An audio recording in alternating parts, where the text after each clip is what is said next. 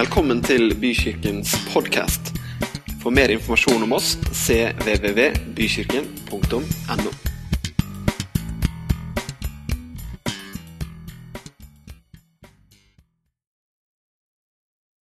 Kan vi ikke bare lukke øynene der hvor vi sitter?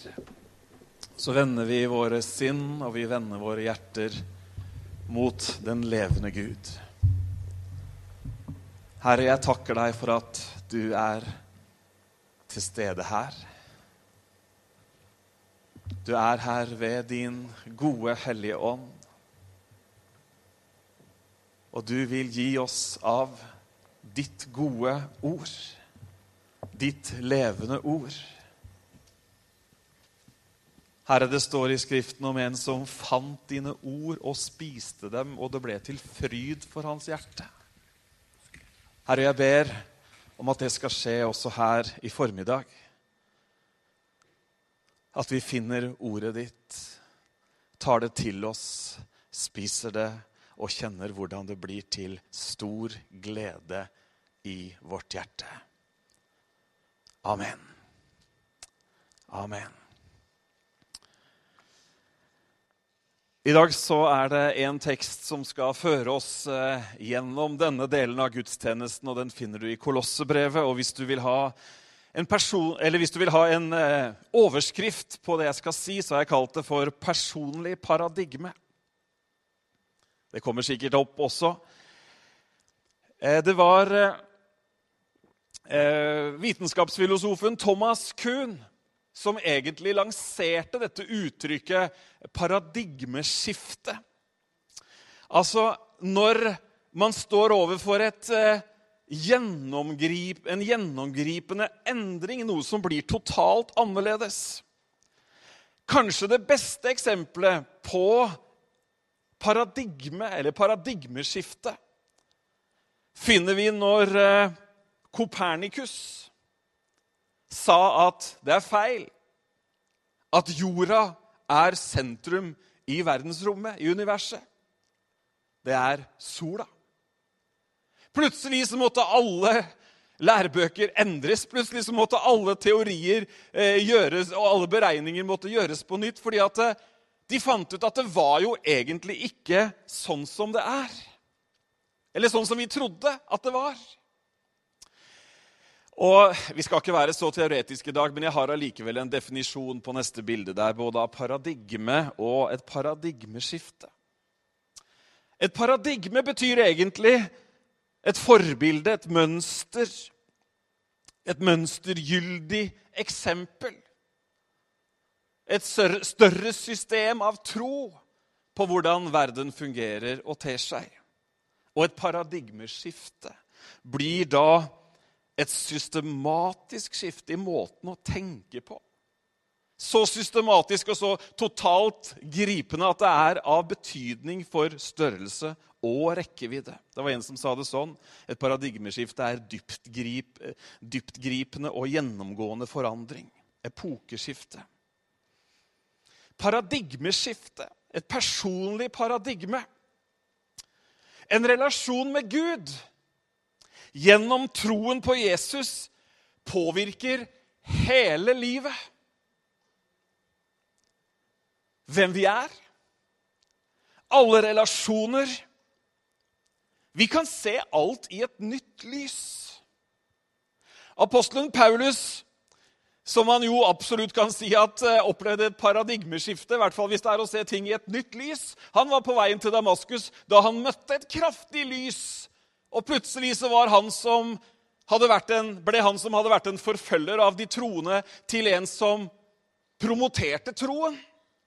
Skiftet i livet hans var så dramatisk at de troende som møtte han kort tid etterpå, hadde store problemer med å, å egentlig ta imot han og tørre å være i nærheten av han, fordi at han som en gang hadde forfulgt for å ta livet av, var nå en forkynner av troen på Jesus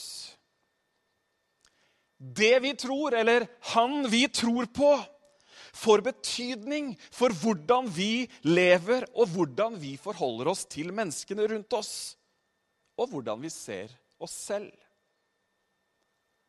Paulus skriver om dette i Kolossebrevet kapittel 3. Er dere da reist opp med Kristus, så søk det som er der oppe, hvor Kristus sitter ved Guds høyre hånd.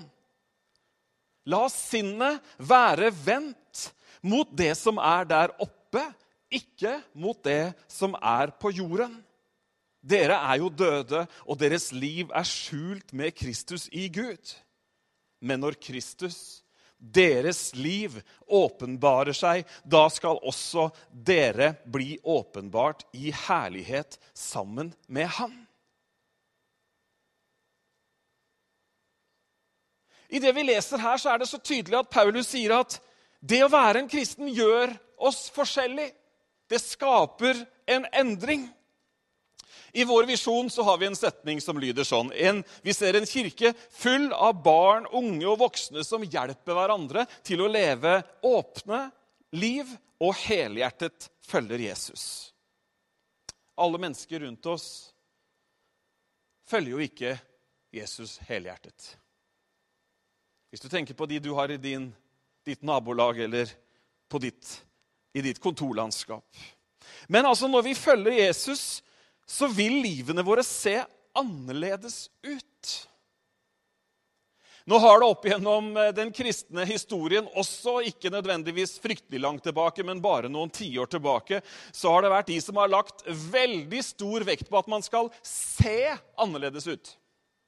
Og det har vært meningsløse, kraftkrevende og tåpelige diskusjoner om øredobber, sminke, skjørtelengde og slips. Ikke sant? Noen av dere litt voksne dere vet hva jeg snakker om. Det er ikke den annerledesheten som Paulus forfekter. Det er ikke det paradigmet han snakker om i det hele tatt. Tilbake til det som Paulus skriver til oss som tror, som har opplevd frelsen i Jesus Kristus. Han sier at noe har skjedd.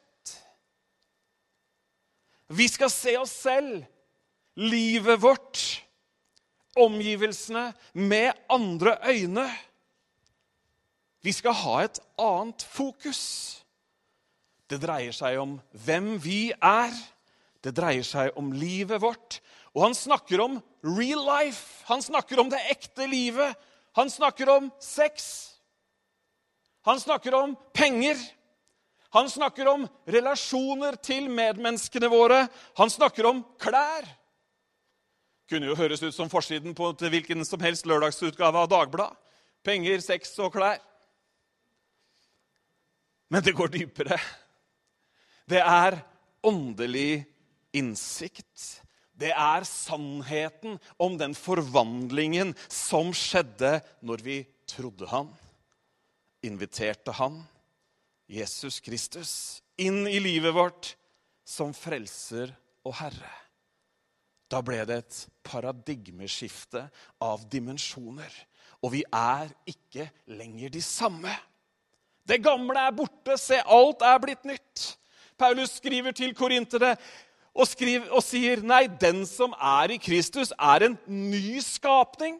Det gamle er borte. Se, det nye har blitt til.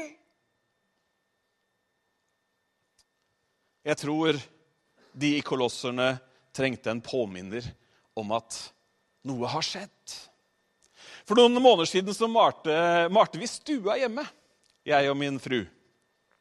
Det var jo gøy.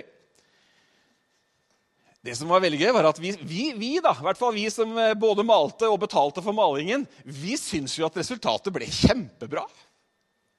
Altså, Det ble jo lysere, og, og skjoldene forsvant, og litt sånn akryl i sprekkene gjorde at de svarte strekene som jeg ikke klarte å la være å irritere meg over Plutselig så var det borte, alt sammen. Nydelig. Fantastisk. Men fortsatt i dag, mange måneder etterpå, så hender det at jeg glemmer at den Forvand...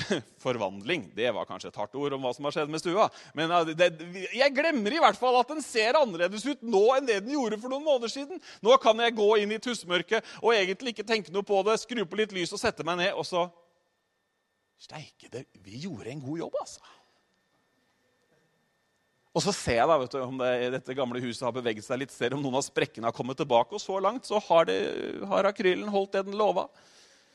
7% bevegelse, eller hva det var den skulle tåle. Jeg husker ikke. Men det hender at jeg glemmer at det egentlig har skjedd. Men når jeg setter meg ned og ser, så har det funnet sted. Halleluja, holdt jeg på å si, i overført betydning. Ikke fordi at malingen uh, har blitt fin og vi er mer fornøyd med stua. Men jeg satte meg ned, og så så jeg Oi, det er strøkent. Og du vet, Det er noe av det som er grunntonen i Paulus sine brev. Han kommer med påminnelser. han kommer med sånne, Vi snakka om det forrige søndag. vet du, Her kommer reklamen for forrige søndag som fins på podkast på bykirken.no. Vi snakker om skjulte skatter. Han minner oss på at det er noen som har gjort noe som gjør at alt ser egentlig helt annerledes ut. Herlig. Så det her blir sånn påminner vet du, om ditt personlige paradigme. Jeg tenkte jeg skulle bruke de neste minuttene til å liksom bare minne deg på at i ditt liv så har det skjedd et paradigmeskifte. En sånn dyptgripende, gjennomgående endring som ikke bare er en fiksing. Nei, du skjønner det at Han som har malt stua di, han har gjort mye bedre grunnarbeid enn det vi gjorde. Ja, det sier jeg også. For det er mulig at jeg tok en snarvei i ny og ne. Det er mulig at det skulle vært et grunningslag til og et eller annet kvistlag til. jeg vet ikke hva. Men i alle fall, det ser pent ut foreløpig, så får vi heller ta fram kosten en gang til. Men du skjønner, han som har gjort grunnarbeidet i stua di og mi Han har gjort noe som han har gjort én gang for alle. Og det hadde jo vært nydelig om jeg kunne ha malt én gang for alle.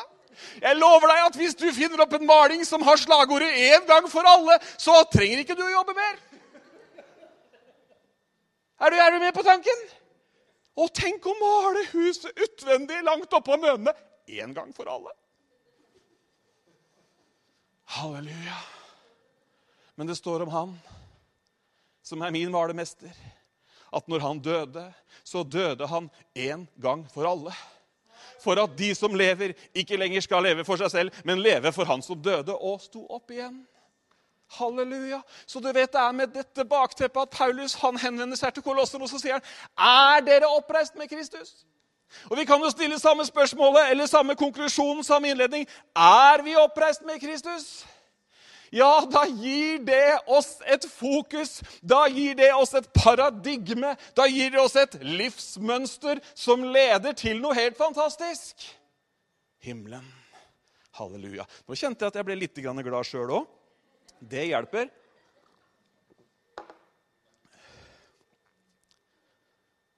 Hm. Hva er det som skjer med oss, da? Etter dette paradigmeskiftet? Hva slags potensial fins? Hva slags kapasitet er tilgjengelig? Hva innebærer det? Hva påvirker det? Har du vært i den avdelingen i eh, bokhandelen som er sånn eh, som ofte heter selvhjelp eller selvutvikling. Har du sett de hyllemeterne der? Ingen som har sett det? Må jo snakke sant i kjerka. Og, du, du, og, og, Det er ikke bare i bokhandelen, vet du, men det er alle mulige fantastiske bøker som skal fikse litt på livet og så hjelpe oss over i det neste. Jeg har kjøpt et par sånne bøker som jeg dessverre aldri har lest. Eh, For en stund siden så fant jeg ikke akkurat en sånn bok. Jo, men jo, for så vidt. Jeg vet ikke hvem det var. Men noen i vår husstand hadde sørget for at det kom en bok inn over dørterskelen og ble liggende på et strategisk sted for bøker og annen litteratur. Den het noe sånn som 'Rydding og orden i hjemmet' eller et eller annet. Hva var det? Ja, det var det jeg sa. Vi snakker sant i kjerka, dere. Det var deg, ja!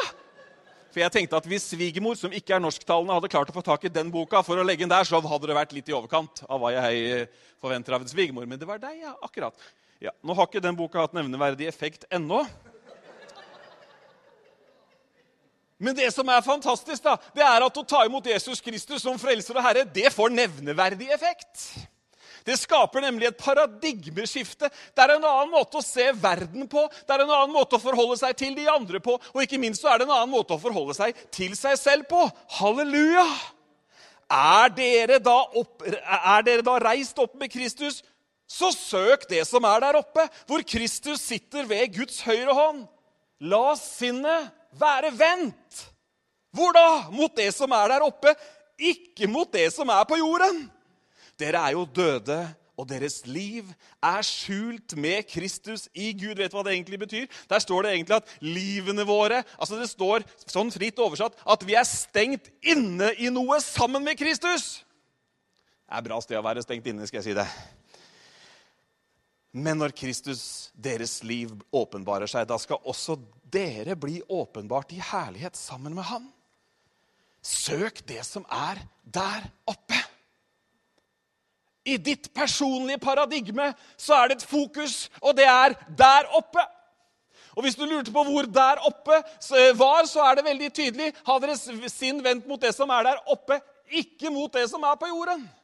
Jaha, Bent Ove, skal vi alle nå gå inn i en sånn transe hvor vi går med ansiktene fysisk himmelvendt og late som om hverdagslivet ikke eksisterer? Nei, på ingen måte. Vi kommer tilbake til det om et øyeblikk. Mange av dere har hørt om en engelsk eh, populæroversettelse som heter The Message. Og så har du det i minne nå, det jeg akkurat har sagt. Er dere da reist opp med Kristus osv.? Så videre? sånn høres det ut fra The Message. Vi kan få den også er skriften på veggen her i dag. So, if you're serious about living this new resur resurrection life with Christ, act like it. Pursue the things over which Christ presides. Don't travel along, eyes to the ground, absor absorbed with the things right in front of you. Look up and be alert to what is going on around Christ, that's where the action is. See things from his perspective. Paradigmeskiftet har gitt livet vårt fokus. Det har gitt en retning. Og vet du hva? Det er nydelig å kunne si og kunne invitere til og kunne minne på at om du ikke før har hatt noe å feste øynene på, så kan du få det nå. Amen. Hvis du ikke før har visst liksom, hva skal jeg rette livet mitt mot? Rette mot himmelen. Men vi har noen utfordringer. Vi har, vi har noen, utfordringer når noen sier 'fokuser på det'. Se dit. Gjør det. Utfordringen er at det er ikke bare Paulus som sier at vi skal se et visst sted. Det er ikke bare Bibelen som har taletid i vårt liv. Det er ikke bare Kristus eh, som ved Den hellige ånds stemme snakker til oss. Det er veldig mange andre ting også. Du vet når du har mobiltelefon og tar opp kamera, så kan du ha veldig mange ting på skjermen. Og så har du en mulighet til å Har du sett det kommer opp sånn liten firkant? Så har du mulighet til å trykke på, på den firkanten i skjermen for å fokusere på det viktige, det du vil ta bilde av. Og dere, når det er mange ting på skjermene våre, så kan det være vanskelig å fokusere. Men du og jeg, vi må fokusere, sånn at vi ser det viktigste klart det som er der oppe. Når det er mange stemmer, så kan det være vanskelig å høre. For midt i den ene samtalen, midt i den ene dialogen, så hører du egentlig ikke helt etter. Fordi det er noen som snakker høyere i neste rom. da må døra lukkes. Hvorfor? Jo, sånn at vi kan søke det som er der oppe. Når du egentlig vet hva du skal bruke din tid på, så distraheres du likevel av andre ting. Og så får du ikke gjort, eller du får ikke fullført det som, du, det som virkelig er viktig. Da må prioriteringen gjøres, sånn at vi kan søke det som er der oppe. Paulus sier at vi døde med Kristus. Vårt gamle menneske, det har åndelig talt fått sin død. Slik at vi på den måten kan kunne kvitte oss med gamle uvaner og synd. Og om vi er født på ny, så er vi faktisk nye skapninger. Det er det som er vårt paradigme. Og i det paradigmet så kan vi leve med Guds kraft og hans nærvær som hjelp i livene våre. Paulus bruker et bilde litt lenger ned i disse versene om å bytte klær. Han sier at det er noe vi skal ta av for at det er noe vi skal ta på. Vi leser videre fra vers 5. La da det jordiske i dere dø. Hor, urenhet, lidenskap og ondt begjær og grådighet, som ikke er noe annet enn avgudsdyrkelse. Alt dette gjør at Guds vrede rammer de ulydige. Blant dem var også dere den gang dere levde slik. Men legg nå av alt dette sinne, hissighet, ondskap, spott og rått snakk, og lyv ikke for hverandre. For dere har kledd av dere det gamle mennesket og dets gjerninger, og iført dere det nye, det som blir fornyet etter sin skapers bilde, og lærer ham å kjenne. Her er det ikke greker eller jøde, omskåret eller uomskåret, barbar, eh, skyter, slave eller fri. Nei, Kristus er alt og i alle. Hm. Dere har kledd av det gamle mennesket.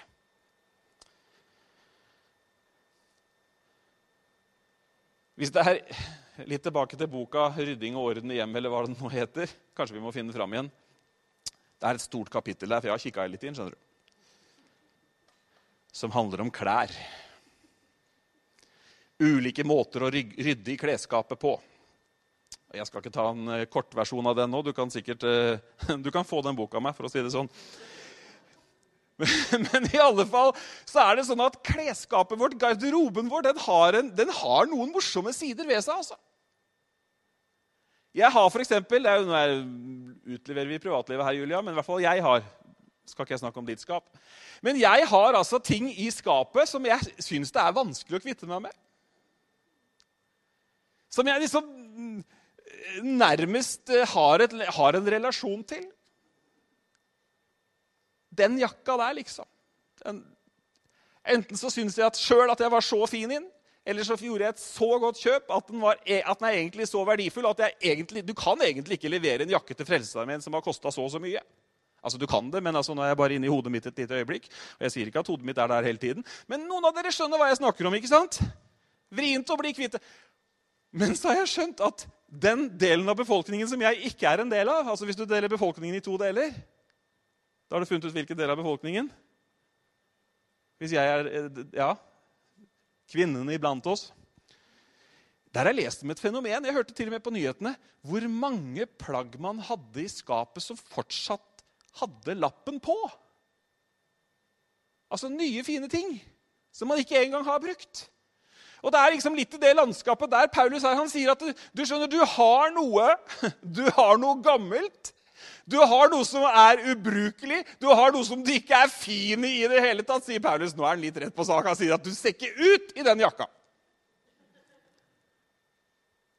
Og du kan få lov å ta den av. Ja, jeg vet at det kan være slitsomt å kle av seg og på seg. Vi har en hjemme på fem og et halvt. Det er grusomt hvis han skal skifte er et stort prosjekt. Men altså, i den nye skapningen så finnes det altså kraft til å kle noe av seg. Til å legge noe bort.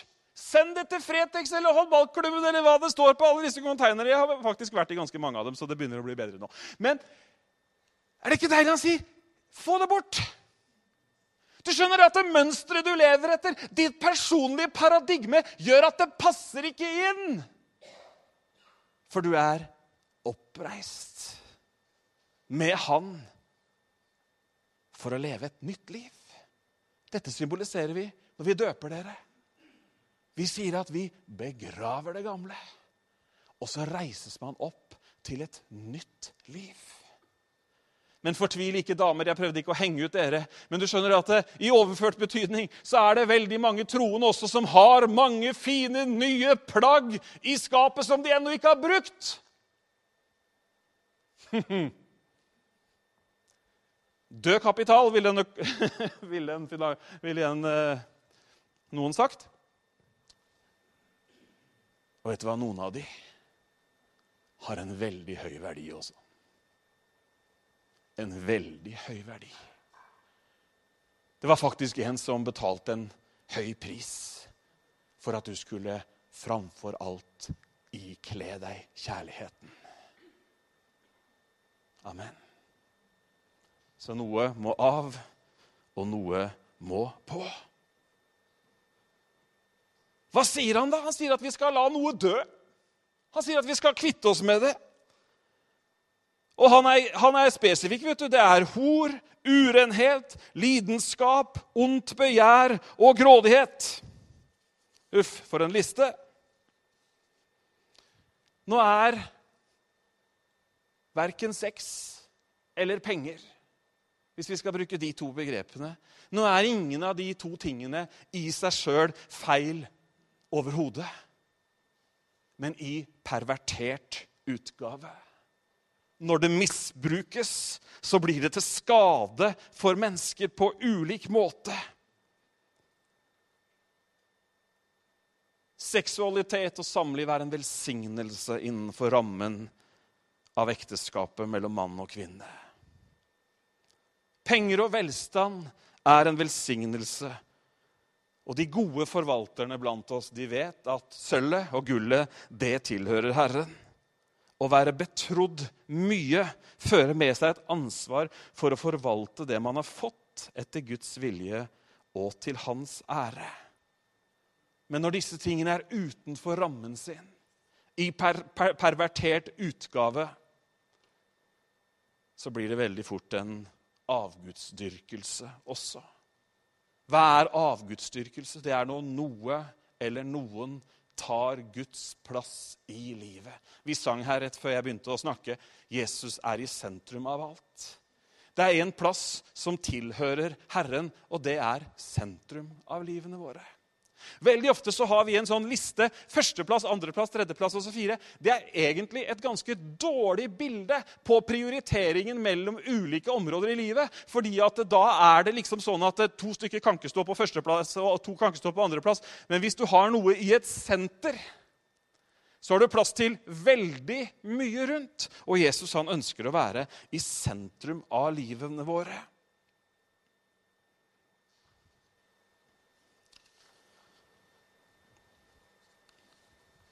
Grådighet sto det også.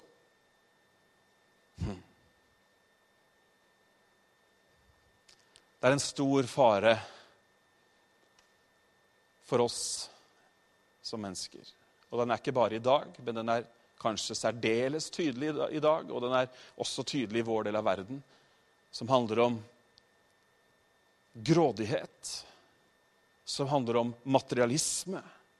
Som handler om at det som øker velstand, eiendeler og økonomisk frihet, det får førsteplassen, det får sentrumet i livet vårt. Og da er det på vei til å bli en avgud. Det er på vei til å bli noe som tar Guds plass i livet, og det fører ikke godt av sted i det hele tatt. Bibelen kjenner oss mennesker. Gud vet hvordan vi er. Han vet hva som ligger latent i oss. Derfor så står det også om dette i Bibelen. Det står bl.a. i 1. Timoteus kapittel 6. Men de som vil bli rike, faller i fristelser og snarer og gripes av mange slags tåpelige og skadelige begjær som styrter mennesket ned i undergang og fortapelse. For kjærlighet til penger er roten til alt ondt. Drevet av den, altså kjærligheten til penger, er mange ført vill, bort fra troen og har påført seg selv mange lidelser. Hm. Altså, det er ikke noe galt med penger. Men når det er kjærligheten til penger som styrer oss, da er det fare på ferde. Og da er det ikke jeg som har funnet ut at det skal jeg advare mot. Det er noe som Bibelen snakker veldig mye om. Fra vers 12 så står det Dere er Guds utvalgte, helliget og elsket av ham. Og Så er vi tilbake til hva vi skal ta på igjen. Nå har vi snakka litt om hva vi skal ta av. Kle dere derfor i inderlig medfølelse. Vær gode, milde, ydmyke og tålmodige. Så dere bærer over med hverandre og tilgir hverandre hvis den ene har noe å bebreide den andre, som Herren har tilgitt dere.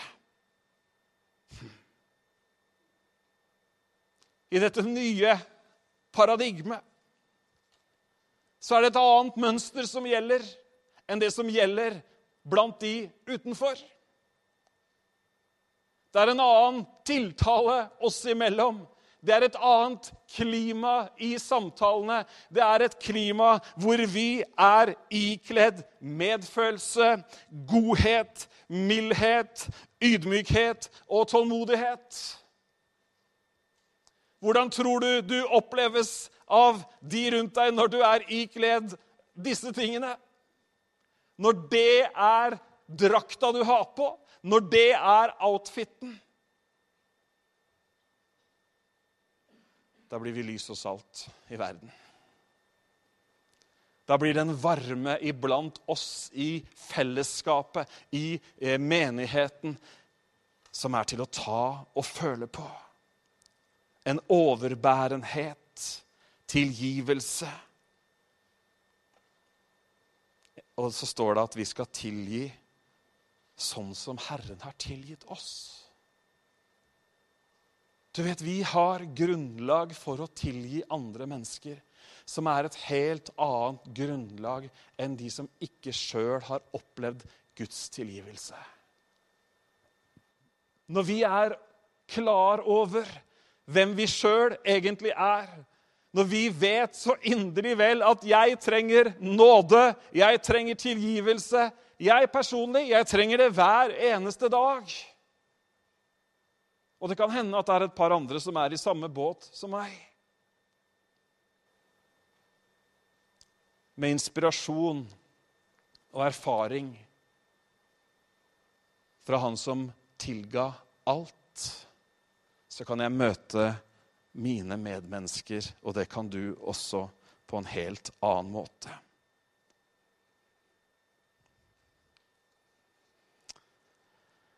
Og over alt dette kle dere i kjærlighet, som er båndet som binder sammen og som gjør fullkommen. La Kristi fred råde i hjertet, for til det ble dere kalt da dere ble én kropp, og vær takknemlige framfor alt. Hvis det er ett plagg, sier Paulus, som du må ta på, som alltid må være med Hvis det er et basic plagg som du må sørge for at alltid er beredt, så heter det plagget kjærlighet. Kjærlighet er ofte en følelse som vi tenker at vi skal vente på at inntreffer. Paulus gir en befaling om at kjærligheten skal tas på. Amen. Amen. La Kristi ord få rikelig rom hos dere. Undervis og rettled hverandre med all visdom. Syng salmer, viser og åndelige sanger til Gud av et takknemlig hjerte.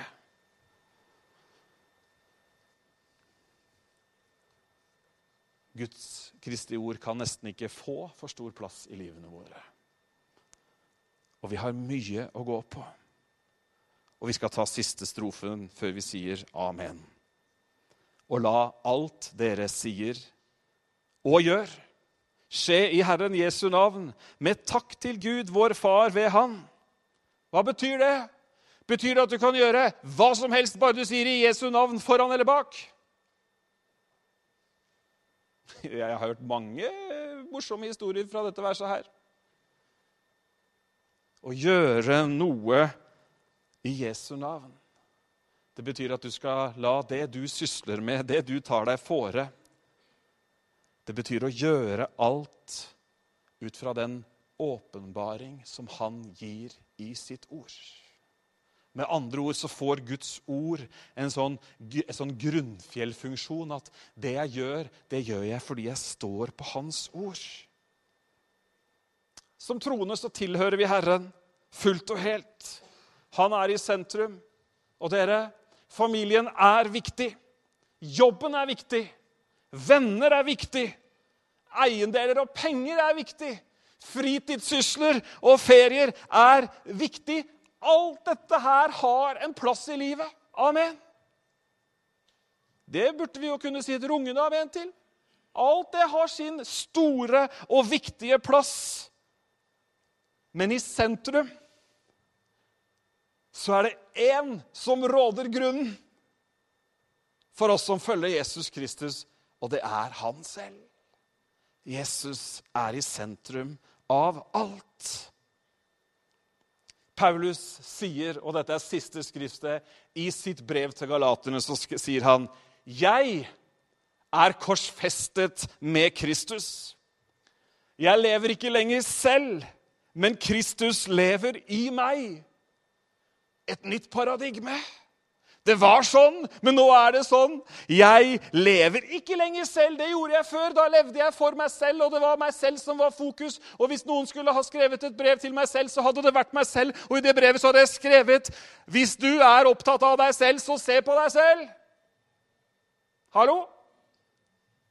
Men jeg lever ikke lenger selv, men Kristus lever i meg. Derfor så sier han det livet jeg nå lever som menneske av kjøtt og blod, det lever jeg. I troen på Guds sønn, som elsket meg og ga seg selv for meg. Det var hans personlige paradigme. Og for mange av oss som er her i dag, så er det vårt personlige paradigme. Men jeg kjenner ikke alle som er her. Og kanskje du sitter her og du har aldri hørt om dette her, og du visste ikke at de snakka om sånne vanskelige ord i kirken engang. Og det pleier vi ikke å gjøre heller. Men det er et veldig godt uttrykk for et skifte i livet. Kanskje du til nå har hatt ditt paradigme. Og det har vært å gjøre det beste ut av det du hadde. Forsøke å være et godt medmenneske. Og så var det det hele. Bibelen sier, at, sier noe annet enn sier at alle som kommer til Han, de får et nytt paradigme. De får et nytt livsmønster. Alle som kommer til Han, de får nemlig rett til å bli Guds barn. Og da, idet du kommer til Han, idet du tar imot Han, så har det nye paradigmet begynt. Alt er nytt. Og det er så dramatisk, dette skiftet, at paradigmeskiftet er et dekkende ord. Bibelen bruker kanskje et enda sterkere ord når den snakker om dette paradigmet. Den snakker om at vi blir født på ny. Så annerledes er det! Det er liksom noe helt nytt som starter. Du vet Når en liten herlig pode kommer og ser dagens lys, så ja, den har jo noen gener og et og annet, men altså, det, er ikke, det, er jo ikke, en sånn recover av et eller annet annet som er pynta på. Det er ikke sparkelmasse som liksom gjør at den ser fin ut. Nei, det er nytt. Og det kan også du få oppleve.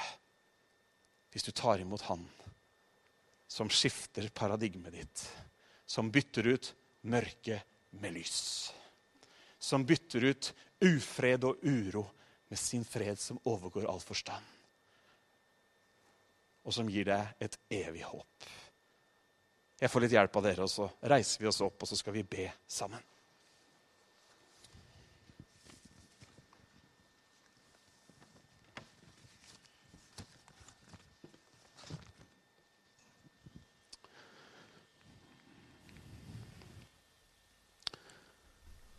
Hvis du er her og tenker at det der paradigmet der, det har ikke jeg begynt på ennå. Men det har jeg lyst til å begynne på. Så kan du få gjøre det i dag. Da skal vi be sammen. Hvis du vil ta imot Jesus som din Herre og Frelser,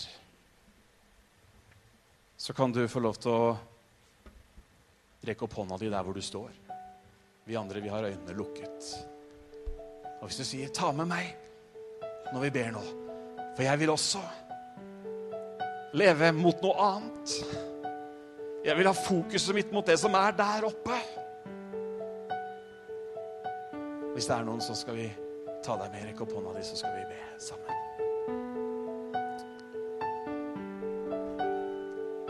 Og så er det alle oss andre som glemmer at stua er malt. Som glemmer at det er en som har betalt den høyeste prisen. Som glemmer at det er en som ga sitt liv. Hva da? For at vi skulle miste vårt? Ja, miste vårt, for så å finne det igjen i Han.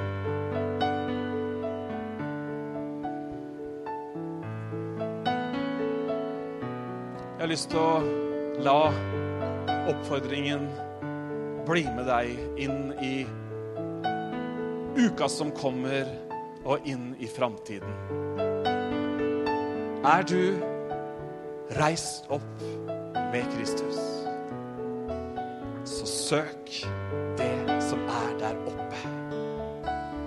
La sinnet ditt, det betyr tankene dine, la det være vendt mot Herren. La det være vendt mot himmelen. Hvis du må ha en retning på det, så er det mot himmelen og ikke her nede. For det livet som han har starta i ditt personlige paradigme, det er et liv hvor hans kraft er der. Så når du bestemmer deg for at noen klær skal av, andre klær skal på, så er det ikke i egen kraft du gjør det, men du gjør det fordi han allerede har reist deg opp. Kjære, gode Far i himmelen. Jeg vil takke deg for ditt levende ord. Og jeg vil takke deg for at du snakker inn i våre liv i 2018. Fordi du har de aller beste hensikter. Du vil at vi skal finne de skjulte skattene. Du vil at vi skal leve etter den kraft og nåde som du gir. Du ønsker ikke at vi skal leve i vårt eget strev og holde på med en sånn konstant forbedringsprosess. Nei, du har gjort det ferdig. Du døde en gang for alle, og du døde den ene gangen for alle for at de som lever, for at vi som lever, ikke lenger skal leve for oss selv, men leve for deg. Du som døde og sto opp igjen. Du som overvant mørket. Du som overvant sykdom. Du som overvant død. Det er du, Herre, som har sentrumsplassen. I Jesu mektige navn. Velsign hver eneste en, far. I Jesu navn. Takk at du gjør ordet ditt levende. Ikke mine ord, Herre, men la det som er ditt ord, som har kommet fram denne søndagen, la det smelte sammen med troen i hjertet, sånn at hele mennesket kan vokse fram til modenhet i Kristus. Amen.